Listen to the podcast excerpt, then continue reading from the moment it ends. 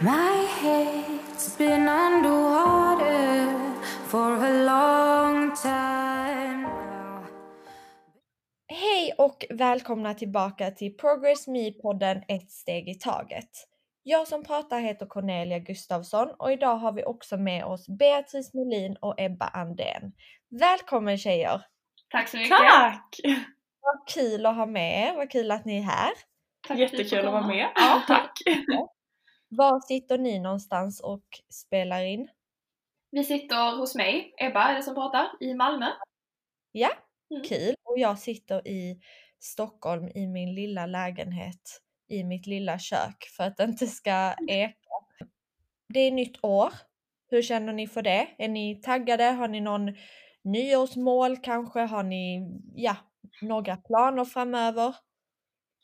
Alltså, jag tycker det känns ganska skönt med ett nytt år. Det är liksom, många tycker nog att 2020 var ett ganska jobbigt år ändå. Så jag känner ändå att det känns ändå skönt att liksom, även om mycket är samma som det var förra året så känns det ändå lite skönt med en ny start och ett nytt år. Så jag ser ändå fram emot det här året. Jag är faktiskt lite taggad. Ja men jag håller nog ändå med. Jag, jag vet inte, jag tyckte ändå att 2020 för mig var ändå ganska bra, trots allt. Eh, Men jag är ändå taggad på ett nytt år. Även om 2021 har inte varit jättebra för mig eh, hittills. Men, eh, men det är ändå skönt med en ny start och jag tycker det känns, det känns lite ljusare. Ja, jo men det är skönt. Jag håller med. Det känns lite så som att 2020 var lite ett lite mörkt år och Mm. Ja men precis. kanske kan 2021 bli lite bättre. Jag Ja, får alla fall hoppas det. Man får hoppas. Ja, vaccin har kommit och coronan, ja, den ligger ju fortfarande hos oss och mm, tar över världen höll jag på att säga. Men den, eh, ja, vad, har ni drabbats något av coronan? Har ni liksom, har ni haft det? Eh, jag har nog ändå haft det ganska bra tycker jag. Jag har inte känt någon som har gått bort eller blivit jättesjuk. Eh, och jag har ändå kunnat träffa min familj och lite nära vänner så att jag tycker ändå att jag har haft det väldigt gott ställt jämfört med många andra. Mm. Ja men det får jag ändå säga att samma här, absolut. Jag har inte själv, vad jag vet, haft det.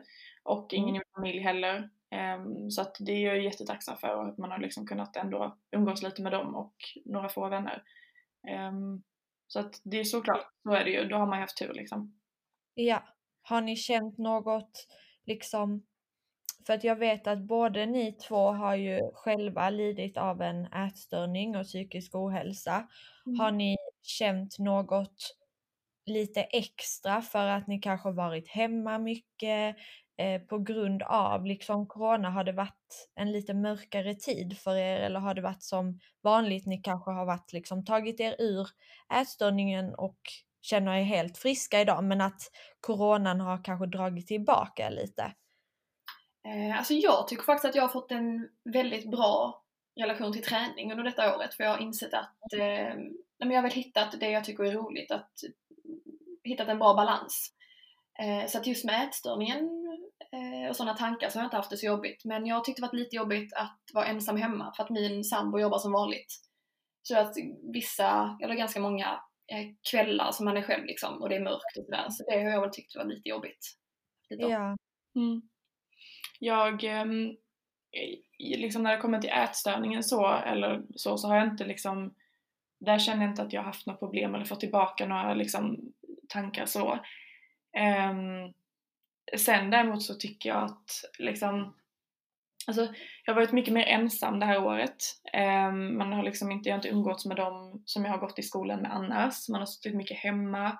Liksom planer har blivit inställda och jag tycker liksom att det har känts väldigt ensamt och deppigt och sen tror jag att jag har liksom påverkats bara av det även om jag själv liksom är frisk och inte har liksom blivit sjuk eller har någon nära så har jag nog bara blivit påverkad av liksom allt, alltså tillståndet Ja. överallt liksom och har känt mig ganska typ sänkt och ganska låg och känt att Mm. liksom det jobbigaste har varit att liksom allt är på distans, att bara sitta hemma Ja, och vara själv typ. Det varit lite jobbigt. Det är lite svårt att hantera allt som händer också. Jag kan bli Ja. överväldigad Mm. när mycket händer som man kanske inte riktigt kan kontrollera. Så Ja, men det blir lite... Ja, nej för jag känner igen det helt liksom att att man har ju känt sig mer ensam, man har inte haft lika mycket att se fram emot. Eh, som man liksom kanske har, har planerat in, har, har fått skjutas upp eller helt Ja. ställts in. Och det har varit ja, men ganska tråkigt, man har liksom inte riktigt haft de här delmålen att kanske kämpa till. Nej, precis. Ehm, och det är ju liksom, vi har ju sett en statistik på att både psykisk ohälsa och ätstörningar har ökat jättemycket så det var därför jag tänkte att jag frågar er kring det liksom. Mm. Det är ju jättemånga som, precis som ni och som mig, eh, har känt sig väldigt ensamma och som då inte har riktigt kunnat kontrollera det Nej. och så har ätstörningen blivit värre eller de har drabbats av en ätstörning eller annan psykisk ohälsa. Mm. Och det är så synd, men vi får hoppas att det är ljusare tider och att vi går mot ett, ja, en ljusare vår helt enkelt. Ja, verkligen.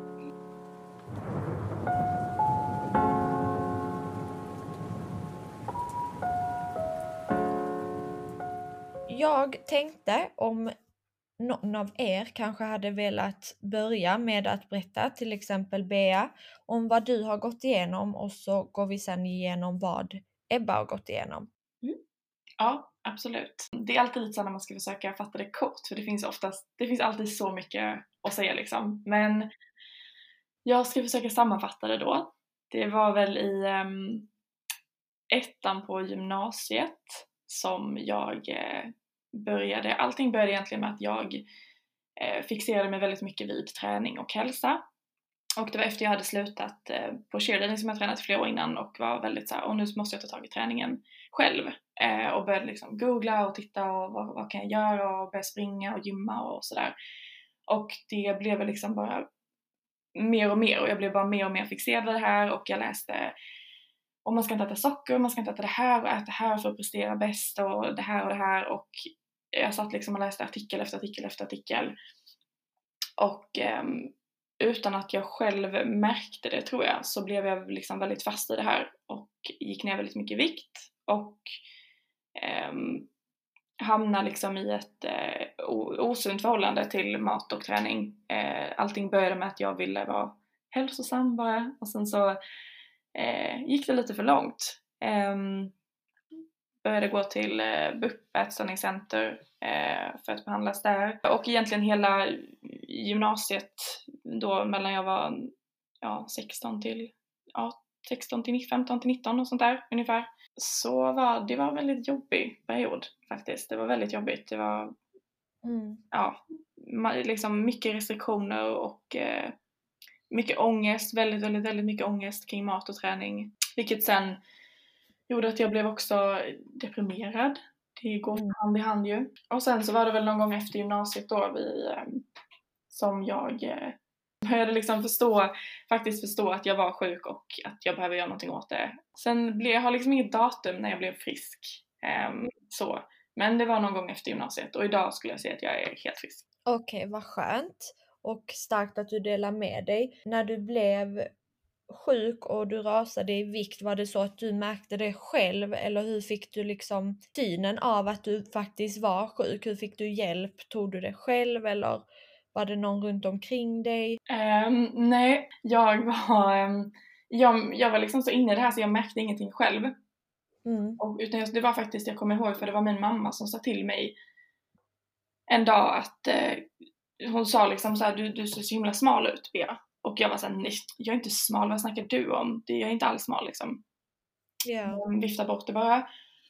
Och hon kom igen och så sa hon liksom, jo men Bea du är smal, du har gått ner jättemycket i vikt. Eh, det känns som att du inte mår bra. Eh, och jag var såhär, men blev liksom ganska, vad säger man, hade liksom taggarna utåt och var väldigt så, nej, nej, nej, vad snackar du om liksom. Mm. Och det var egentligen så att hon faktiskt, hon fick tvinga mig till det här ätstörningscentret, BUP gick jag tror det eftersom jag var under 18. Mm. Ehm, och jag kommer ihåg att jag var väldigt, väldigt, väldigt liksom starkt motstånd till det här och när jag kom dit, jag var såhär, jag, har- jag har ingen ätstörning, vad är det ni pratar om? Jag mår inte dåligt alls och jag, jag förnekar liksom helt det för jag hade inte riktigt förstått att jag faktiskt mådde dåligt och var sjuk. Mm. Ehm, så att det var ganska tufft i början där, jag blev liksom dragen dit kan man nästan säga. Eh, och gick till BUP ätstörningscentret, jag tror det var en, två gånger i veckan med mina föräldrar och hade möte där. Fick hjälp som blev ganska, det blev ganska svårt att ta emot hjälpen för att jag själv, det tog väldigt lång tid innan jag själv faktiskt förstod att jag var sjuk och behövde hjälp. Ja. Eh, men var det då, var det tack vare att du tog den hjälpen som du blev frisk eller var det mer på egen hand eller Alltså, hur gick det till? Jag har funderat mycket på det där. Ehm, hur liksom det är svårt när man tänker tillbaka det på sig efterhand för jag kan tycka att mycket liksom flyter ihop med varandra och jag har svårt att liksom urskilja liksom tid och rum lite under den här liksom perioden. Men vad jag kan säga ändå var att jag var ganska, än idag faktiskt, inte jättenöjd med hjälpen jag fick. Och eh, sen delvis var det ju för att jag själv inte ville inse att jag var sjuk. Så att då blev det också väldigt svårt för dem att hjälpa mig. För jag ville inte ta emot det, jag ville inte liksom lyssna på vad de sa, jag gjorde inte som de bad mig. När jag fyllde 18 så sa jag till mina föräldrar att jag, eh, jag vill inte gå kvar. Och nu rekommenderar jag liksom ingen att avsluta sin hjälp med någon för jag tycker att är man sjuk så bör man ta hjälp. Men det var så jag gjorde i alla fall. Jag sa till mina föräldrar att jag, jag vill inte gå längre, jag mår inte bra av att gå dit. Ehm, och jag tycker inte att jag får hjälp. Och då så sa de typ ungefär som att ja men om du lovar att gå upp till den här liksom x antal kilorna på egen hand inom en viss tid så absolut, vi ger dig den chansen. Och då var jag så himla liksom, jag tror att min motivation till det var att jag vill inte tillbaka dit. Jag vill inte tillbaka till BUP till ätstörningscentret. Det var liksom det sista jag ville. Så att jag tog liksom tag i det själv. Okej, ja. Men det kan ju också vara en motivering, liksom att man blir motiverad av att, som du säger, man vill inte tillbaka till ett visst ställe. Nej. Eh, och därav så löser man det på ett annat sätt. Ja, men precis. Men du har en Instagram eh, som heter Health by Bea Det stämmer. och denna har du drivit hur länge? Oj, ehm, länge. Den här började jag ju faktiskt när jag var sjuk i en ätstörning och med liksom enda syftet att lägga ut recept som var så liksom energisnåla och eh, utan socker och så hälsosamma inom situationstecken. Um, och då höll jag den väldigt privat, jag lät ingen följa den i princip. Um, så att jag har haft den i flera, flera år men sen har den utvecklats till någonting helt annat över tiden liksom. Precis, och det var det jag tänkte fråga dig lite om. Utvecklingen just på din Instagram som jag idag tycker är väldigt inspirerande och väldigt eh, men klok och väldigt eh, men som en inspiration som man faktiskt själv kan men både få tips och, och ja, men jag blir inspirerad för att jag tycker att du skriver jättebra och du lägger ut mycket personligt men också väldigt mycket kring mat och sånt här. Och det är inte bara längre fokus på det här utan socker, utan eh, mjöl, utan det här, utan det. Nej, precis. Utan eh, ett väldigt hälsosamt tänk kring en Instagram. Tack, Eh, vad glad jag blir. ja, eh, vad var det som fick dig att ändra detta? Var det eh, med liksom hand i hand med din ätstörning att du blev friskare och därav också ville ha liksom en friskare bild via din Instagram? Eh, ja, det får jag ändå säga att det var faktiskt. Ehm, det var det absolut, för att i takt med att jag blev friskare och liksom då tillät mig själv och vågade eller, eller liksom kunde äta saker som jag innan hade förbjudit mig från utan ångest så kände jag att liksom, jag kan ju inte ha ett konto längre där jag bara jag bara lägger ut liksom sockerfritt och det ska vara liksom och inga kalorier och, och sådär för det var ju inte jag längre. Eh, och dessutom tyckte jag att det, det förmedlar ju inte den, den bilden av mat som jag vill förmedla. Eh, och jag kommer ihåg första gången jag liksom la ut någonting på då, ja men säg det på socker liksom, det som jag inte hade lagt ut på innan första gången jag la ut något nytt, alltså socker eller det var någon kladdkaka eller glass eller vad det nu var för någonting.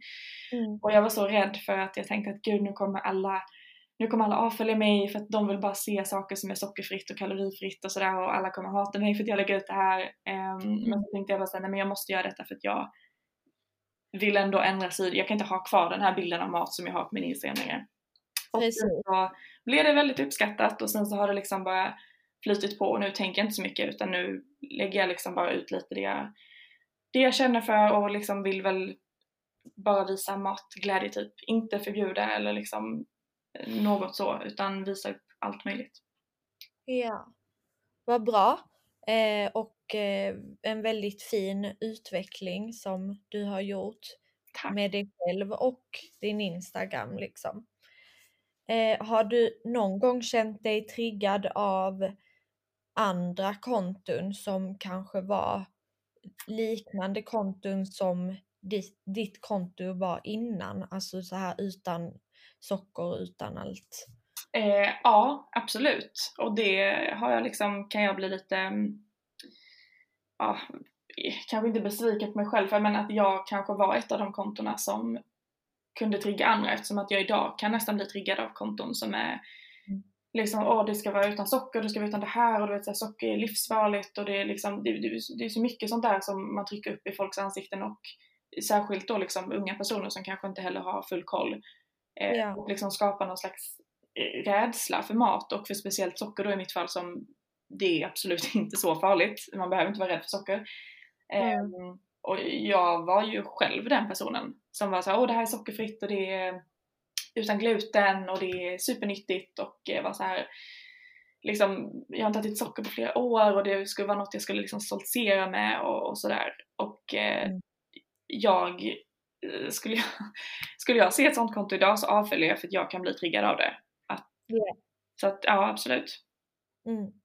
Ja men det förstår jag. Ja. Jag själv har också varit i den situationen när jag ett tag bara följde sådana konton så att jag skulle få tips liksom på hur jag kunde äta ja, men sockerfritt eller utan eh, kolhydrater eller utan Mm. fetter och så vidare. Men sen kom jag till den punkten då jag inte alls ville följa sådana konton för att jag just blev så triggad av det. Mm. Och sen idag så känner jag typ mer, inte ett hat mot det, men att det liksom blir så att jag tycker inte ens det, jag blir inte ens triggad av det på sättet att jag är rädd att jag ska falla tillbaka och vilja gå in i den sortens, vad ska man säga, men typ diet. Utan Nej. mer att jag är irriterad på att det faktiskt påverkar många. Ja men så Eh. känner jag också, absolut. Det är inte kanske ofta så att jag blir triggad och känner att jag själv faller tillbaka i gamla mönster. Utan jag blir Mm. snarare irriterad som du säger för att jag vet hur mycket det här påverkar andra som kan hamna i samma sitt som då vi har varit i liksom. Precis. Men tack så jättemycket för Tack. vad du har berättat och delat med dig av. Så tänkte jag fråga Ebba lite om Mm. du vill dela med dig av vad du har gått igenom Ja. och hur din resa har varit. My head's been underwater for a long time now. Been praying to the Father for a long Min time. resa har varit ganska utdragen. Um, alltså min tankar och min egen kropp och liksom självmedvetenhet började ganska tidigt. Ehm, kanske 11, 12 någonstans där, var går man då i sjuan, sånt, sexan, sjuan typ. Ja. Ehm, och jag tror att det kan ha, att liksom tankarna kan ha triggats igång av att jag kollade ganska mycket på YouTube när jag var i den åldern. Och då var det liksom Bethany Mota och Suella och många liksom eh, unga tjejer som jag såg upp till. Och jag tror att det kan, liksom att det där att sociala medier lite exploderade, att det var det som startade mina tankar lite grann. Och, ehm, men det, jag tog inte riktigt ut det på, på det sättet att det blev en ätstörning, utan det var mer att det liksom ett självhat eh, växte. Och sen då mer under gymnasiet. Um, jag har haft lite sådär, innan dess så hade jag lite, precis som Bea sa, att det var mycket att jag läste om hur man gick ner i vikt och, och sådana grejer. Så att jag började väl bli ätstörd. Men jag skulle säga att på gymnasiet så exploderade det lite. Ehm, och det kanske hade att göra med att det var lite osäkert, nya människor, ny miljö, mycket press. Och ja, jag utvecklade anorexi så småningom. Ungefär på samma sätt som Beatrice berättade att hon utvecklade sin ätstörning. Att jag började bli fixerad vid hur man kan gå ner i vikt och ja. Och till slut så blev det väl att alltså, ja, det, är, det är ju en liten dimma. Det är ju lite svårt att veta Ja, exakt verkligen. när vad som hände, vad som orsakade och vad som hände. Men eh, i tvåan på gymnasiet så hade jag utvecklat anorexi och var väldigt sjuk. Och då minns jag att eh, sjuksköterskan jagade mig ganska länge och ville att jag skulle komma på kontroll. Eh, alltså vikt och längdkontroll. Som man inte hade gjort. När slutar man med det? Det, det liksom, Mm. ja, Ja. väldigt, väldigt länge sedan liksom. Ja. Eh, och då undvek jag ju det. Och jag märkte lite att lärare började bli lite så här fråga hur jag mådde lite extra mycket och jag, jag märkte liksom att folk runt omkring var lite oroliga även om det kanske inte var någon som sa rätt ut. Mm. Men då går jag då på den här kontrollen hos eh, sjuksköterskan. Och hon, eh, och jag minns att jag hade, jag försökte lägga saker i mina stövlar och typ ha på mig extra mycket kläder. För att jag, alltså jag visste någonstans själv, under hela den här perioden så visste jag exakt vad jag sysslar med. Jag visste att det inte var bra, men jag visste vad jag ville. Eh, och jag, jag visste hur jag skulle ta mig dit. Men då gör jag då den här kontrollen och då noterar hon ehm, en stor, ja men att det ser inte bra ut. Eh, jag är inte hälsosam. Mm. Och då minns jag att jag börjar säga liksom, ja nej men jag tror bara att jag har växt, jag har nog blivit lite längre och det här är naturligt och jag, jag tränar mycket men jag, jag, jag gillar mat och jag är glad och sådär. Mm. Eh, och sen från ingenstans så bara bryter jag ihop framför sjuksköterskan. Och det var första gången som jag ja, men verkligen så här, inte orkade hålla uppe min mur längre. För jag hade Mm. blivit en mästare på att manipulera och ljuga. Och, men jag, jag gick, under den här perioden så gick jag på gymnastik. Och det var ju ganska mycket träning liksom. Och då Mm. skickade mina föräldrar med mig bars och sådär som jag liksom inte åt utan jag slängde grejer och men ty, ett typiskt eller typiskt beteende kan man kanske inte riktigt säga men ett osunt beteende. Mycket, ja men jag ljög och jag manipulerade min omgivning. Och eh, då ringer då sjuksköterskan hem till, eller skolsköterskan hem till mina föräldrar. Och hon pratar antagligen med mina lärare och sådär också. Och då säger jag till mina föräldrar, eller jag säger till henne att jag vill inte att skolan och min familj ska ha någon koppling. Och det var ju också ett sätt Mm. till för att jag ville skydda mig själv. Jag hade verkligen taggen utåt att jag skulle absolut inte bli stoppad av detta utan jag Nej. skulle bara fortsätta som vanligt. Och eh, jag lyckades eh, på ett sätt att liksom komma vidare. Jag sa att jag sköter det hemma så att skolan inte var inblandad längre. Och då kunde jag ju ljuga för mina föräldrar på ett annat sätt. Och jag var, i och med att jag gick gymnasiet i stan, så var jag borta ganska mycket om dagarna och då kunde jag ljuga om vad jag hade ätit och vad jag hade gjort. Um, så det var, det var liksom väldigt mycket som de inte såg. Att även om de kanske såg att jag inte mådde så bra eller att något var fel, så kunde de inte riktigt liksom se beteendet för att jag visade inte det.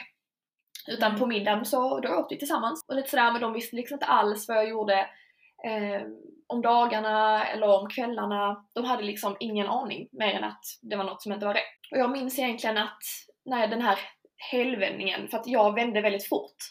Och jag tror Ja. att någonstans, jag märkte själv att det, nu var det, det var liksom inte bra. Och jag tror att jag hade, jag, jag tog ingen professionell hjälp. Eh, Mm. Det gick ju väldigt bra ändå. Men när jag tittar tillbaka så tror jag ändå att jag hade behövt någon form av alltså, akut hjälp. Mm. Ehm, men det, det vill jag inte känna för mig själv. Men jag märker, nej men jag märker på mig själv att eh, det börjar liksom uppkomma typiska anorektiska symptom. Ehm, och då märker jag då när jag ligger i min säng en kväll att eh, mitt hjärta hoppar lite konstigt. Det slår Mm. lite märkligt. Ehm, och då tar jag min puls och då inser jag att den är väldigt låg. Och då insåg jag att jag måste vända detta för att annars kommer det gå, det kommer inte sluta bra. Nej. Så då minns jag att jag går ner i köket och dricker ett jättestort glas mjölk. och det minns jag liksom var den här helvändningen att jag bara, nu ska jag bli frisk. Mm. och det blev jag också. Då började jag liksom erkänna för mina kompisar. Eh, jag minns att jag skickade något sms eller någon snap eller någonting att jag bara, jag tror inte jag är frisk. Men det där tycker jag är så häftigt, jag tycker det är imponerande Ja. ändå. Att du bara Ja, det det är på en sekund och ändrade. Ja, jag tror liksom att jag hade ju ett, eller jag har ett ganska stort driv och det var ju det som drog mig ner i ett helvete. Men jag kunde också ta mig upp. Liksom, jag kunde använda mig det för att ta mig upp. Mm. Och Jag minns att när jag berättade för människor och de liksom bara ja, vi vet, vi vet att du inte Mm. mår bra, vi har, vi har sett det. Men jag, även om jag var bra på att dölja så tror jag att jag, det, ja, folk, man kan liksom inte riktigt inte se det. Så tror jag ofta. Ehm, nej men så jag började liksom, började ta hand om mig själv mer. Ja. Jag minns verkligen att, för att min liksom återfriskningsperiod, det var liksom, jag har varit väldigt skonad mot både ångest och, och depression och sånt där under min ätstörningsperiod. Det har liksom inte gått hand i hand med det. Jag Mm. har väl varit lite, alltså man har väl nästan ett maniskt beteende när man är sjuk. Mm. Men eh, det var liksom ändå, jag- mådde ändå, klart jag mådde inte bra, men när jag inte, jag fattade ju inte att jag var sjuk. Så bortser man från det så mådde jag ändå bra, om, Mm. om det inte låter helt orimligt. Mm. Att jag var sjuk men jag mådde bra för att jag inte visste bättre liksom. Mm. Ja. Ehm, och när jag började bli fri- frisk så minns jag att det var liksom nästan som eufori. Alltså det var en, typ det, något av det häftigaste jag gjort i hela mitt liv. Att gå från att bara vara ett skal och en zombie till att bara ha energi igen. Att vara glad och skratta och vilja göra saker och, och börja se att jag får glöden tillbaka i ögonen och lyster och människor omkring mig säger det också. Eh, Det är fantastiskt. det var, Mm. det var faktiskt, det, det var en riktigt sjuk upplevelse. Att jag Ja. trodde liksom, men alla har en helt olik, eh, olik resa men Ja, jag verkligen. liksom typ återfrisknade för att jag ville. Och inte att man blev tvingad. Det var ändå, Mm. det, var, det var jag är väldigt viktigt. coolt. Ehm, ja, och Ja. idag är jag helt frisk. Det är väl, vad är det, 2021, fyra år senare. Mm. Mm. Och jag känner att jag har ett jättebra förhållande med mat och kropp och ja. Det har varit... Vad bra och grattis till det och tack för att du delar med dig och vad starkt av dig också. Tack så mycket. Eh, jag känner verkligen eh, igen mig just i det du säger med att att man bara får ett stopp och liksom inser att man är sjuk och bara vill bli frisk. Ja. Eh, för att jag, jag känner igen mig i dig för att jag har också ett väldigt driv Mm. och under hela gymnasiet, till skillnad eh, från er två, så märktes det inte så mycket på just min vikt. Nej. Att jag gick jätte, jättemycket upp eller jättemycket ner. Jag Nej. höll mig på, ja, Mm. minus inte så mycket. Ehm, och det var ju, ja, det var ju för min liksom, hur jag hade min ätstörning och hur Mm. min kropp fungerar. Eh, men jag hade en så himla osund bild till, eller relation till mat och träning och mig själv. Och det var ett sånt stort liksom själv, självhat att Ja. det slutade också med att jag blev jag blev så trött på att jag mådde fruktansvärt av min Mm. ätstörning. Jag ville inte vara sjuk. Nej. Jag, liksom, som du säger Ebba, att du, du, förutom att du faktiskt var sjuk så mådde du ändå hyfsat bra. Ja. Men jag mådde verkligen inte bra av min ätstörning. Jag tror inte någon gör det men det Nej. finns ändå en grad på de som kanske klarar av det och på de som det liksom bryter ner totalt. Mm. Eh, och jag var verkligen Alltså jag ville inte vara sjuk längre men jag kunde bara inte bli av med ätstörningen för att för mig handlade det ju om att kunna kontrollera att eh, kunna äta till exempel en potatis eller eh, en pasta eller så utan att få ångest och vilja, vilja kompensera. Ja. Mm. Och att ta steget dit är jättesvårt men Ja. när man gör det så är det så i efterhand så är det helt fantastiskt Mm. att Nej men typ som idag, att jag är helt frisk. Alltså jag vill bara typ skrika ut Mm. att det, grä, det är så jävla mycket grönare på andra sidan. Ja. Det är det, det är det och det är svårt att se det tror jag när man är inne i det. Ja. Det är jätte, jättesvårt. Det är först Ja, det är det. Det är så mycket saker som man liksom som man inte ens tänker på när man är sjuk, som man vet att man kommer slippa. Bara det här liksom att, att hjärnan inte är konstant eh, upptagen med att tänka på vad man Nej. ska äta nu Gud. och imorgon, nästa vecka, vad man har ätit, vad man ska träna. Mm. Att man liksom bara, sinnet är typ fritt. Det där är faktiskt jättebra för det, det kommer jag också, det är liksom en av de största grejerna om jag tänker liksom, om jag jämför tiden när man var sjuk Mm. och nu, att det är som befrielse när man känner att liksom jag behöver inte gå runt och tänka på mat. Jag behöver Nej. inte liksom Mm. Ja, Mm. nu vill jag inte liksom så säga någonting men eh, man behöver liksom inte gå runt och tänka på mat och träning hela tiden och hur mycket man ska äta, hur mycket man borde äta och om jag äter detta nu ska jag äta det sen och liksom sådär pussla, är mycket sånt där ihoppussel för som Mm. du säger det liksom handlar, jag tror många är det liksom ett kontrollbehov för många. Ja. Och när det Jag släpper så är det liksom, man känner sig så fri och Ja. så lätt och så liksom, liksom ja det är en häftig känsla. Och Det känns så skönt att slippa ja, men planera. Att slippa gömma och slippa ljuga och slippa liksom planera att nej men om jag nu ska äta det här så måste jag tänka på att jag ska vara på den här platsen för att jag ska kunna eh, kompensera utan att någon hör mig eller Ja. jag ska kunna vara ledig denna dagen efter för att jag ska kunna äta så pass lite eller ja, Ja. ni förstår. Mm. Och det, jag tror att det är det som är den största befrielsen, att man är verkligen så fri. Man Mm. har liksom inte de här tvången, de måstena, de liksom hjärnspökena som sitter i huvudet och hela tiden tänk nu på detta, eh, nu ska du göra så, nu ska du inte göra så, nu ska du inte äta det, nu ska du äta det där och, Mm. och, och dit. Ehm, så det är en väldigt stor befrielse för oss alla tre. mm, Och eh, jag vet att vi alla tre mår mycket bättre idag och har varit nere i skiten själva. ja. Eh, tror ni att den personen som ni var eller liksom er personlighet ändrades mycket när ni var sjuka?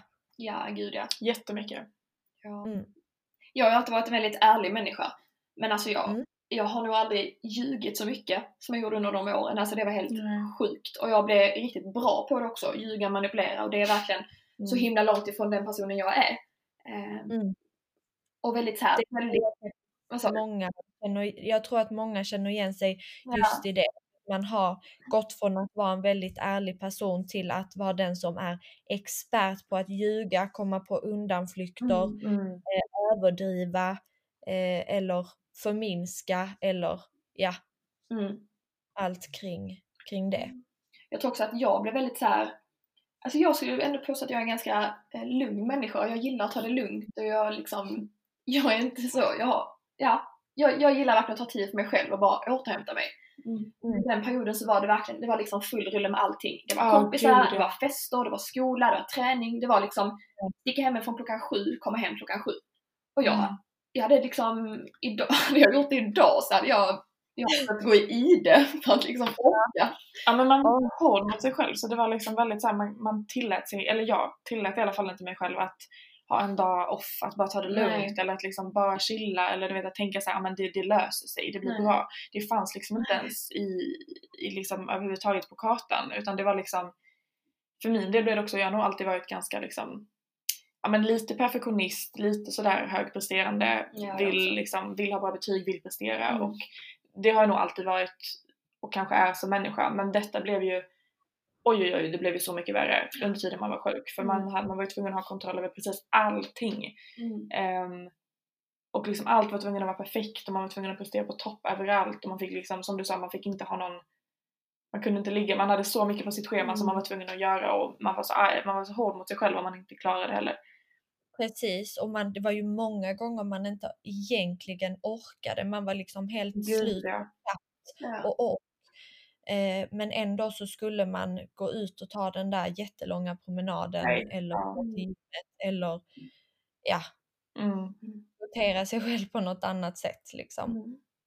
Men Ebba, du driver också en Instagram som Mm. heter Ebbas Wellness. Det gör jag.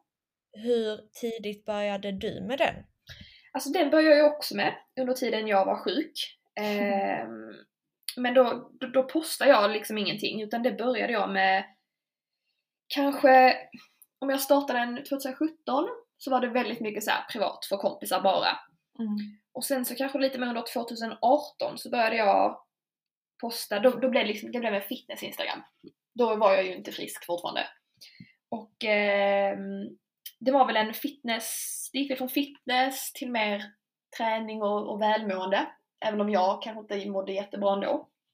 Ehm, så att min Instagram har ju verkligen varit fitness, träning. Och det är ju väldigt långt ifrån det jag gör idag. Jag, ja, jag tycker inte, alltså träning, gymma, jag tycker inte det är så kul längre. Mm. Och det har jag verkligen insett detta året att jag tycker det är kul att röra på mig, ta promenader och dansa. Bara så här, liksom glädje att röra sig. Och inte bara här, det ska vara hårdträning, det ska vara gym, det ska vara matlådor. Ehm, Precis. så det har jag verkligen, ja, det, det har också tagit en helvändning på min Instagram. Från det Mm. till, till något annat. Nej, för precis som eh, Beas Instagram så tycker jag också din är väldigt inspirerande och du lägger också ut väldigt bra content som jag tror inspirerar många andra eh, och gör att många andra känner sig, nej men kanske vågar släppa lite mer på sig själva och acceptera sig själv lite, lite mer. Mm. Och ni båda två är ju väldigt, ja, men väldigt ärliga med era följare och liksom ni säger ju ändå ifrån om det är så att ni kanske har en dålig dag eller om ni är inne i en liksom, lite sämre period. Ehm, och det tycker jag är jättestarkt och jättefint av er båda. Ehm, och jag vill verkligen tipsa alla som lyssnar att följa er båda. och jag kommer länka er Instagram här nere så att man kan gå in och kolla på er Mm. och följa om man vill ha fint flöde och eh, mycket inspiration. Jag vill bara säga tack så jättemycket för dina fina ord. Ja, verkligen. Jätte- jag blev helt rörd. ja, jag menar det verkligen. Det är inte bara för att vi sitter och spelar in podd. Utan, Tack Cornelia, tack. ja. Skulle ni vilja berätta lite hur ni hanterar eh, hjärnspöken idag kontra förr? Mm. Um, alltså förr så var det ju, då var det nästan som att man, då var man ju en slav för sina hjärnspöken. Att det de sa, det gjorde man. Ehm, ja, och bara lyssna på dem. Men nu så Framförallt så tror jag att jag har lärt mig att liksom dela på mina tankar på vad som faktiskt är jag och vad som är hjärnspöken. För att när jag var sjuk så då kändes det som att allt bara var ihopblandat. Det var hjärnspöken och det var eh, prestationsångest och det var lilla jag hade en liten, liten röst. Men som var väldigt liksom, nedtryckt av massa annat självhat och, Mm. och tankar. Eh, så att, ja, jag, för mig idag så är det väl mer att de får hjärnspöken så är de där. Men ja, de får lov att vara där. Jag, jag agerar inte ut efter dem. Ehm, jag lyssnar inte på dem utan det är liksom ibland som man får ångest. Att okej, hej ångest, du får vara här. Men jag tänker inte fokusera på det nu. Eh, och sen såklart att prata med, med sin omgivning och ta stöd om man känner att man inte riktigt kan hantera det själv. Det är väl väldigt viktigt att man inte låter sig själv trilla ner i något litet hål. Mm, verkligen. Jag, jag håller med. För min del så är det nog väldigt mycket att när hjärnspöken kommer tillbaka eller när man liksom börjar tänka, för det händer ju att det liksom poppar upp tankar, osunda tankar kanske lite då och då, att liksom den erfarenheten som jag varit med om, att, att veta hur dåligt jag mådde då, ehm, har liksom blivit att det är lättare nu att när, de, när liksom tankar kommer upp att tänka att ja, men som du sa, man agerar inte på dem för man vet att gör jag det så finns risken att jag hamnar i det Mm. Tillståndet som jag var i för flera år sedan och dit vill jag aldrig, aldrig, aldrig någonsin igen hamna för det var ett mörker, alltså det, det, det är liksom fruktansvärt. Så att nu om det skulle komma upp någon tanke, alltså för det är klart att även om jag skulle säga att jag är helt frisk idag så får jag absolut tankar då och då om att liksom, ja men ah, jag hade velat ändra min kropp eller man tänker så här och si Mm. och så eller tänker oj nu kanske jag ätit lite för mycket. Ehm, att sådana tankar kommer upp. Ehm, att jag skulle inte ätit det där eller oj nu har jag ätit för mycket eller borde kanske träna mer och sådär. Mm. Men att man i, idag i alla fall kan jag liksom, jag tänker tanken och men jag agerar inte på den utan det är Nej. såhär okej jag får upp tanken att jag borde kanske träna idag men så tänker jag så här: nej det borde jag inte alls, jag slår bort den och så Mm. agerar jag inte på den och det tror jag är liksom skillnaden för det är som du Ja. sa innan när man var sjuk, jag bara, då var det ju liksom att man agerade ut efter de här Mm. tankarna. Kom det upp en tanke, gud jag borde springa, ja men då sprang man. Ja. Så här, och jag borde inte äta, nej då åt man inte. Det är väl lite Nej. den eh, rädslan, eller inte rädslan men alltså den eh, jag ville absolut inte, det var lite som Beatrice sa, att hon ville inte tillbaka till BUP. Och jag Nej. ville inte ha eh, skolan inblandad eller BUP eller någon annan. Och det, man kan Mm. jämföra den eh, rädslan, eller det var väl inte riktigt rädsla, jo men lite rädsla för Mm. att behöva få kontrollerad hjälp. Man kan väl göra Mm. den känslan lite mer som det är nu, att man verkligen inte vill hamna i det man var i då. Nej. Man vet vad ätstörningen var och vilket helvete det var. Ja. Och det är liksom, det, nej. Det är så, nej. Dit vill man Men, inte men tillbaka. verkligen. Det Ja. är svårt dock för liksom, alltså som, vi har ju varit med om det och vi vet Ja. hur, hur illa det var Mm. och då vill man Mm. tillbaka. Ehm, och för oss är det ju liksom en, bara det i sig liksom en motivation men det är Ja. svårt för folk som kanske inte har varit där vi har varit och får Nej. upp sådana här tankar för de kan ju inte riktigt tänka på samma sätt för de Nej. vet kanske inte eller förstår kanske inte hur illa det kan gå så där tänker jag att då får man hantera det på något annat sätt. De har inte sett det gräset. Nej men precis. Kanske att man får tänka att på de bra stunderna man har Mm. och att när man inte tänker dåliga liksom, tankar om sig själv eller man får hjärnspöken så får man försöka tänka att jag mår ju så mycket bättre då så nu får jag försöka tänka på de stunderna och agera Ja. utifrån dem. Liksom. Istället för att då ta till sig vad hjärnspökena liksom säger till en Mm. och liksom lyssna på dem. Mm. Ja. För att jag, var, jag känner exakt samma som ni. Mm. Eh, att man liksom var så nedtryckt av ens hjärnspöken och ens egna talan kom liksom inte. Man var sig själv men man var ändå inte sig själv. Nej, man liten. Var liksom, det var som att man levde i, i en annan människa och att man bara var tyst och liksom fasttejpad typ. Ja. Eh, man ville bara skrika och ur från den Ja. personen. Och det är viktigt Eh. att inse att tankar är ju inte sanningar. Det Nej. är nog det bästa Nej. rådet jag har fått. Ja. Det är liksom inte... Men det var ett jättebra råd Mm. till alla där ute. Har ni några tips på hur man hade kunnat bemöta en person som har en ätstörning? Eh, och hur önskar ni att ni hade blivit bemötta om ni när ni själva var där eller om ni hade varit där nu? Um, ja, alltså när jag var sjuk så tyckte jag väl att jag tycker väl att det är viktigt att om man ska approacha någon som man vet inte, eller som man misstänker inte mår så bra, så tycker jag det är viktigt att man liksom inte typ attackerar beteendet. Ja. Utan att man faktiskt försöker nå människan och fråga hur mår du? Mm. Och inte säga du äter ingenting längre eller Nej. fan vad du tränar. För det kunde jag känna att så fort någon påpekade bara gud vad smal du har blivit eller eh, någonting i den stilen, då all, liksom, alla taggar var rätt utåt. Då visste man att nej, jag tänker inte säga någonting till dig. Ehm, Nej, det där är jätteviktigt. Det håller jag verkligen med om. För det är, så, om man, det är som du säger, misstänker om att någon mår dåligt och kanske misstänker att någon äter för lite eller tränar för mycket så behöver man inte säga just det för oftast så kan det vara att personen liksom mår väldigt dåligt på grund av det eller liksom att det är bakomliggande grejer som gör att personen mår dåligt och att som du säger fråga hur personen mår. Mm. Ehm, och liksom, det, men det är också, det är klart att det är svårt för att på ett sätt vill man ju liksom så här man vill ju bara, ibland vill man ju bara ruska om någon och säga Ja. ät mer, sluta träna Ja. liksom. Men man vet ju också att det är inte rätt approach. Alltså det, det går inte för att då som du säger då kommer taggarna utåt och man Mm. blir liksom bara ännu mer ja, Ja, jag tror man måste få människan att inse att man bryr sig om dem. Att man, man vill att de ska må bra, de förtjänar att må bra, att man ser Mm. dem. Eh, Mm. Och att, ja, men att ibland så kanske man får låta människan komma till en själv. Det är klart att Ja. man kan inte låta någon bara totalt förstöra sig själv. Men att om man har möjlighet att liksom sträcka ut en hand.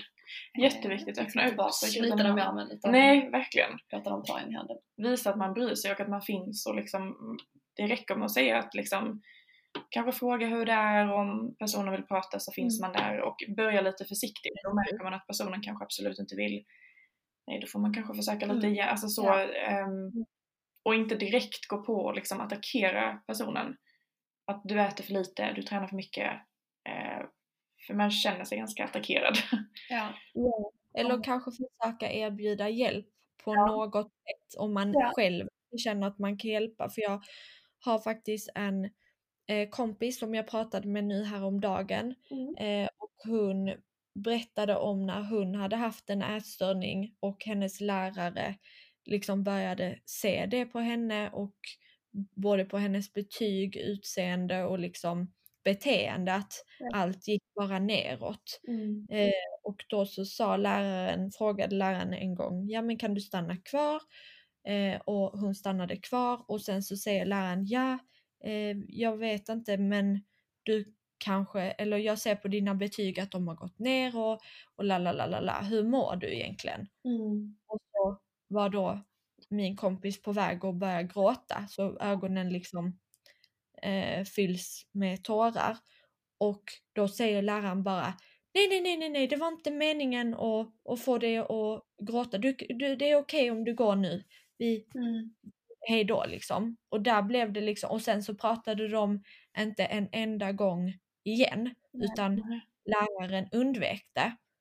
Okej. Och jag tror att där blir det så himla fel för att där handlar det också mycket om att man kanske precis är nära på att släppa på sin liksom tröskel eller på Ja. sin liksom Ja.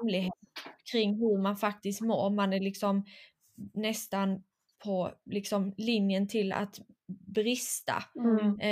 Och så ska man tala om det för någon som faktiskt väl frågar om hur man mår och så ska man precis berätta det och då vill plötsligt personen inte veta. Nej. Det där är jättekonstigt. Ja, jag tror att man måste vara beredd på att frågar man väl hur någon mår så måste man också vara beredd på att det kan hända att personen faktiskt svarar. Ja. Ja, absolut. Det kan liksom inte vara om. Nej, precis. Det där, det där hände faktiskt mig på gymnasiet också. Det var en lärare som var med sina kvar efter lektionen. Och Mm. jag var såhär, gud vad har jag gjort nu liksom? Blev lite jättenervös. Och ehm, så, eller nu när jag tänker efter, faktiskt flera lärare. Men jag kommer ihåg det här tillfället specifikt och hon frågade liksom, och jag trodde hon skulle säga någonting om någon, något arbete jag hade gjort eller någonting. Mm. Då frågade hon bara hur jag mår. Och jag vill bara kolla hur du mår. Och jag var så här, nej jag mår bra. Sa rycker på axlarna, jag mår jättebra. För man bygger liksom ofta upp den här fasaden att allt alltid var liksom. Och hon var så här, ja men det, det kändes bara som att du kanske inte, inte är jätteglad eller så här. Hon försökte liksom lite försiktigt fråga liksom, det, det känns som att något är fel. Ehm, och jag satt där och var liksom, jag vet inte vad det var men det brast. Det bara brast. För att hon hade ju rätt, jag mådde absolut inte bra. Och mina tårar, det var liksom som att den här fasaden jag hade liksom hållit upp den bara, Mm. den bara rasade. Och mina Ja. tårar bara rann och rann och rann. Och det var, liksom, det var väldigt fint för jag kommer ihåg den idag att jag blev väldigt Även om man nu är i det och man vill hålla upp den här fasaden, man vill inte visa sig svag eller sårbar eller någonting. Så blev jag ändå väldigt glad för att man kände sig sedd Mm. på riktigt. Det var inte så att hon kom in och sa mig och sa så här, hej du är smal, du behöver hjälp. Nej. Det var inte så hon Nej, sa, hon precis. frågade bara hur mår du? Hur är det med dig egentligen? Ja. Det nådde mig på ett annat sätt än vad Mm. andra kommentarer liksom har gjort. Och det var det som Mm. gjorde att jag bara liksom, Det är som att när någon liksom ser, det är som att den lilla delen av en själv som finns kvar liksom Mm. sedd. Och ja, då är det som att de har nått den liksom. mm, Har man, har man nått dit så, ja. Mm, och jag tror att just att fråga hur någon mår kan vara väldigt mycket mindre triggande och bättre för personen än att säga oj vad smal du har blivit, mår du bra? Precis. Eftersom att eh, just den frågan är så laddad och det finns så mycket triggers i just det här oj vad smal du har blivit. Det kan bli att personen som då är sjuk och kanske blivit smal blir jätteglad av att oh my god, ja. märker någon att jag har blivit smal nu? Så bara fortsätta. Ja. Eh, så just att kanske utesluta just att säga det med ja, men fokusera så mycket på utseendet utan mer på hur man faktiskt mår inuti Mm. Mm. tror jag är viktigt för att för min del så Nej men eh, jag tror att jag vill ändå vända mig mycket till personer som har, som lider av en ätstörning precis på det sättet som jag gjorde, att det faktiskt inte syntes utåt Nej. riktigt. Och det är så fruktansvärt för att man går ju runt där och man vill ju bli sedd. Ja, gud. Liksom med en person som rasar jättemycket i vikt. Alltså jag ville ju, jag ville ju på något sätt att någon skulle upptäcka att jag hade en ätstörning men ändå så var det min största rädsla. Ja, jag förstår precis vad du Det menar. gick liksom hand i hand och så det var ju ingen som märkte det i och med att jag inte rasade i vikt. Utan då kunde de bara märka det på mina beteenden och mina beteenden försökte jag ju liksom dölja och de Ja. fanns ju inte så många gånger per dag, att man kunde märka det liksom. Det var ju i så fall på lunchen om jag var med klasskompisar. Ja. Men annars, eller om jag kanske alltid eh, undvek att följa med på grejer eller så. Mm. Eh, men jag tror att det är jättekämpigt också för just de som, eller för jag vet själv att det var ju kämpigt att inte bli den som kanske då blev frågad "Ja, men hur mår du? För att det inte syntes på utsidan. Mm. Ja. Just för att man mår ju inte bättre bara för att det inte syns på utsidan liksom. Det är det som är farligt med ätstörning, att du kan ju förstöra dig själv hur mycket som helst och plåga dig själv Mm. väldigt länge och till, en, till ett extrem utan att människor riktigt märker verkligen. det är inuti dig. Jag tror inte Ja. många förstår det heller att ätstörningar det är ju liksom ändå en psykisk sjukdom. Att det är ju egentligen helt oberoende av utsidan liksom, oberoende av din Mm. vikt också egentligen. Mm, Alltså du kan ju gå ner, du behöver inte gå ner alls, du kan gå upp i vikt, du kan gå ner i vikt Mm. och fortfarande lida av en ätstörning. Och det är ju väldigt svårt som du säger, det kan ju vara ja, både positivt och negativt men det kan ju leda till då att liksom folk märker inte det. Alltså kroppsliga eh, förändringar eller symptom, det är ju det är ju en biverkning av vad som händer i ditt huvud. Ja men precis. Det är ju Precis. kroppen som... Eh, ätstörningen börjar inte i kroppen. Nej. Slutligen så skulle jag vilja fråga er om ni, om era bästa ja, men tips på hur man kan bli frisk och hur man kan hålla sig frisk från en ätstörning och ja, Mm. psykisk ohälsa. Ja, alltså det finns, det är så många, det finns många små tips, det finns många stora tips men något som jag alltid har tyckt varit viktigt för mig är att alltså våga ta hjälp. Att våga be någon ta upp mat till dig om det är jobbigt eller våga berätta för någon att nu känner jag så här, jag vill göra detta men jag vill egentligen inte göra det. Så att man kan få stöd i det. Ehm, för att även om, om man själv vill bli frisk så, så är det ju ändå en själv som har de här hjärnspökena eller ätstörningen i, i liksom samma huvud. Att de hela tiden bråkar. Och att om man då Mm. kan få in en, en, liksom oberoende part Mm. i det som kan stödja din verkliga röst och det som du faktiskt vill. Så tror jag att man kan komma väldigt långt med att våga, liksom, våga prata med människor och säga som man känner. Och, Mm. och inte försköna någonting. Utan att okej, så här känner jag och det är illa, men det är så jag känner och jag kan liksom inte försöka dölja det för mig själv. För då, då kommer man inte komma någonstans. För jag märker, jag märker det själv också idag att just där vi pratade med eh, hjärnspöken innan om att eh, och så, så hänger det ihop med det som du nu säger att man ska våga våga prata och våga liksom öppna upp sig för att Mm. får jag hjärnspöken idag eller jag har en dålig dag då är det första jag gör är verkligen att berätta det.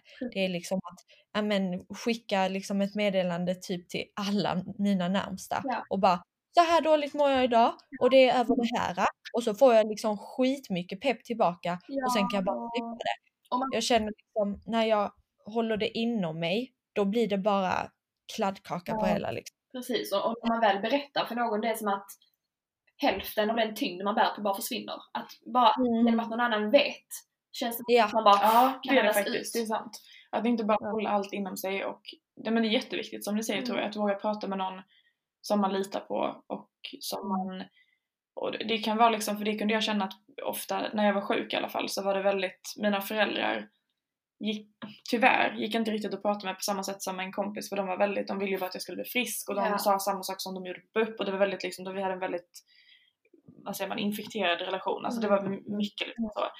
Och jag tyckte det var så skönt att då prata med någon som min bästa kompis till exempel, eller någon annan utomstående, min lilla syster. Att bara Ja. liksom inte ha någon som dömer en. Eh, Nej. så, för de flesta gör inte det. Om man öppnar upp sig och Nej. pratar med folk, pratar med sina vänner, pratar med någon som man litar på. ehm, Mm. Folk vill hjälpa till. Det är liksom, folk vill väl. Jo men så är det. Jag tror också det är viktigt att liksom det, det, det är kanske nästan det svåraste, men att det är viktigt att liksom våga gå emot tankarna. Att, att veta att okej, om jag gör detta så kanske jag kommer få ångest. Men Mm. samtidigt så kommer jag bli lite starkare för varje gång. Eh, och för mig så var det väldigt mycket, om jag tyckte att något var jobbigt, nu är det ju Mm. olika för alla, men när jag väl hade liksom gått, tagit steget att okej, jag ska göra detta. Mm. Då var det liksom, då var det så befriande. Jag kände mig, jag blev så stolt av mig själv som faktiskt vågade. gå Mm, över det här. Och det är verkligen. klart att någon annan kanske känner att de känner skam eller ångest när de väl vågade göra någonting som var jobbigt. Mm. Men, men jag tror ändå att det är liksom viktigt att, att liksom säga nej, nej. Ja. Nu sätter jag ner foten. Men verkligen att liksom utmana sig själv där som du säger att om man väl har nått den punkten att man liksom känner att okej jag, eller att man har nått punkten att man inser att man är sjuk eller mår dåligt och behöver hjälp eller vill bli frisk. Om man väl har nått den punkten, för det är som vi har pratat om svårt att nå, men Ja. då tror jag som du säger är bara att liksom våga gå emot de här tankarna, våga liksom och framförallt liksom våga lita på andra som säger att det är grönare på andra sidan, det Ja. är bättre, alltså även om det inte känns så där så våga Mm. lita på andra som säger det och våga liksom ta Våga gå emot tankarna. Mm. Det är klart att man kan inte göra allt på en gång men liksom små steg i taget. Ja, ja men precis. Att ta dem, våga ta de här små stegen. Att varje litet steg kommer att göra skillnad. Det kan vara ett så litet steg som att men följa någon av er två eller följa Progress Me på Instagram. Ja. Att bara, bara en sån grej kanske gör att en person liksom oj nu är jag inne här och läser om hur man kanske blir frisk från sin ätstörning eller hur man lär sig att älska sin kropp eller hur att eh, bristningar är okej Mm. eller att det är okej att äta socker. Eh, bara eh, de små stegen är en utveckling till ett bättre mående. Gud Ja. ja, det är jätteviktigt och att vara liksom våga vara stolt över de små stegen du tar. För det Mm. kan kännas Ja. som bara liksom som du säger en liten grej som att börja följa någon annan på Instagram eller avfölja någon på Instagram som triggar till exempel. Eller gå emot Ja. tanken att okej idag ska jag inte gå en omväg till jobbet eller vad, vad det nu än kan vara, vad det nu man är man kämpar liksom. Om, Ja men verkligen. liksom, var stolt över det, om du, även om det är liksom en pytte, pytte, pytte liten grej Mm. Så är det en stor grej ändå i det långa loppet och vara liksom stolt. Ja. Och jag tror att vi alla tre har haft de här små stegen som ju har resulterat i att vi har blivit friska. Som, Gud, ja. som bara till exempel första gången för mig som jag klarade av att men, äta en pastarätt utan att kompensera eller utan Mm. att faktiskt tänka på att jag skulle få ångest över den eller förskjuta ångesten, liksom sudda bort den Mm. och liksom överväga ångesten och att liksom överväga att bli ett steg mot rätt mot tillfrisknad liksom. Mm. Bara det var ju så himla stort för mig. Mm. Men som för andra kanske det verkar som ett jättelitet steg liksom. Men det är ju bara att äta en pasta, hallå. Ja. Det gör jag varje dag. Eh, vad är det farliga med pasta liksom? Nej. Men i ens egna huvud så är det ju så fruktansvärt. Mm. Så när man då övervinner det, den rädslan, så har man ju liksom vunnit. precis. Jag, jag minns att jag, när jag tyckte det var jobbigt, om jag fick ångest eller kände skam eller Mm. vad som helst, eh, då sökte jag hela tiden intala mig själv att okej nu, nu känns det jobbigt men det, då är det ett kvitto på att jag har gjort någonting rätt. Ja, har jag tagit ett steg i, Ja. i rätt riktning även om det känns jobbigt. Ja, men det, det stämmer. Att när man kanske väl reagerade över något, att det kändes jobbigt, så visste man att man hade gjort precis det som skulle trigga en själv, men att det var precis därför man skulle göra det liksom. Precis, man, Mm. man, ätstörningen blev liksom lite mindre för varje gång man Ja. så. Mm. Gick emot ätstörningen. För den blir ju det, det är ju också kanske viktigt att påminna om att det blir ju lättare och lättare varje gång. Det är det första gången man gör något som känns jobbigt. Om det nu kan vara att äta socker eller om det är att skippa träningen eller vad det nu än är, äta en pasta som du sa. Mm. Liksom för varje gång man gör det så blir det ju lättare och det är svårt att inse när man är i det liksom. Men efter ett tag så märker man det. Att nu efter liksom fem, tio gånger så är inte den här pastan jobbig att äta längre. Nej, precis. Precis. Man Och det är lika normalt för mig att äta den som för någon annan. Mm. mm, man måste ju liksom programmera om sitt tänkande på samma Ja. sätt som man gjorde när man blev sjuk. Att Mm. Från att gå från ett friskt tänkande så, så liksom lärde man sig, eh, eller ja, men man, man programmerade om sin hjärna till, till något ätstört och, och självhat liksom. Att man måste göra den resan igen fast åt andra hållet. Precis. Och jag menar har man, har man tagit sig, har man kunnat lära hjärnan eh, sådana liksom onaturliga saker eh, så då, då kan man ta sig tillbaka även om det inte känns som det. Det kan man, det går. Mm. Tack så jätte, jättemycket för att ni har varit med idag. Är det någon sista ord eller eh, fråga eller någonting som ni vill ta upp? Um, men en, en litet till tips så här, som gjorde väldigt stor skillnad för mig var väl typ att um, försöka göra av mig med saker med miljö som, som inte var bra för mig. Som att uh, avfölja vissa människor på sociala medier, uh, kanske våga säga ifrån i sin omgivning om det är någon man tycker pratar negativt om sin kropp eller sådär. Det är ett väldigt stort steg men jag tror det är väldigt viktigt att man liksom mm. befriar sig själv från en sån miljö. Det är det absolut. Det var det även för min del. För min del var det att jag inte eh, jag bytade rum med mina föräldrar för att jag hade eget badrum innan ja. dess. Och då kunde jag låsa in mig där hur mycket jag ville. Mm. Men så jag, när jag kom till det steget, det var nog mitt största steg faktiskt. Ja. Mm. Att just säga till mamma och pappa, jag vill byta rum med er. Mm. Så att ni får eh, det stora rummet med badrum. Mm. Och det var många som nog inte förstod mig där och då. Mm. Att, Nej men gud varför byter du rum med, du har ju det ja. största rummet med eget badrum, alltså det är ju världens lyx, det vill jag också ha medans det var liksom världens mest ångestladdade grej att komma hem ja. till det största rummet med ett badrum mm. som jag kunde låsa in mig på hur mycket jag ville. Så precis som du säger att försöka att förändra ens miljö på mm. sätt. Mm. Mm. Tack så jättemycket tjejer och eh, kul att ha med er. Jättekul att få vara med. Tack så mycket. Ja, tack snälla. Tack. Vi hörs och vi är tillbaka nästa måndag med ett nytt avsnitt. Tack så mycket. Hejdå. Hejdå. Time now. Think I've been falling way too deep.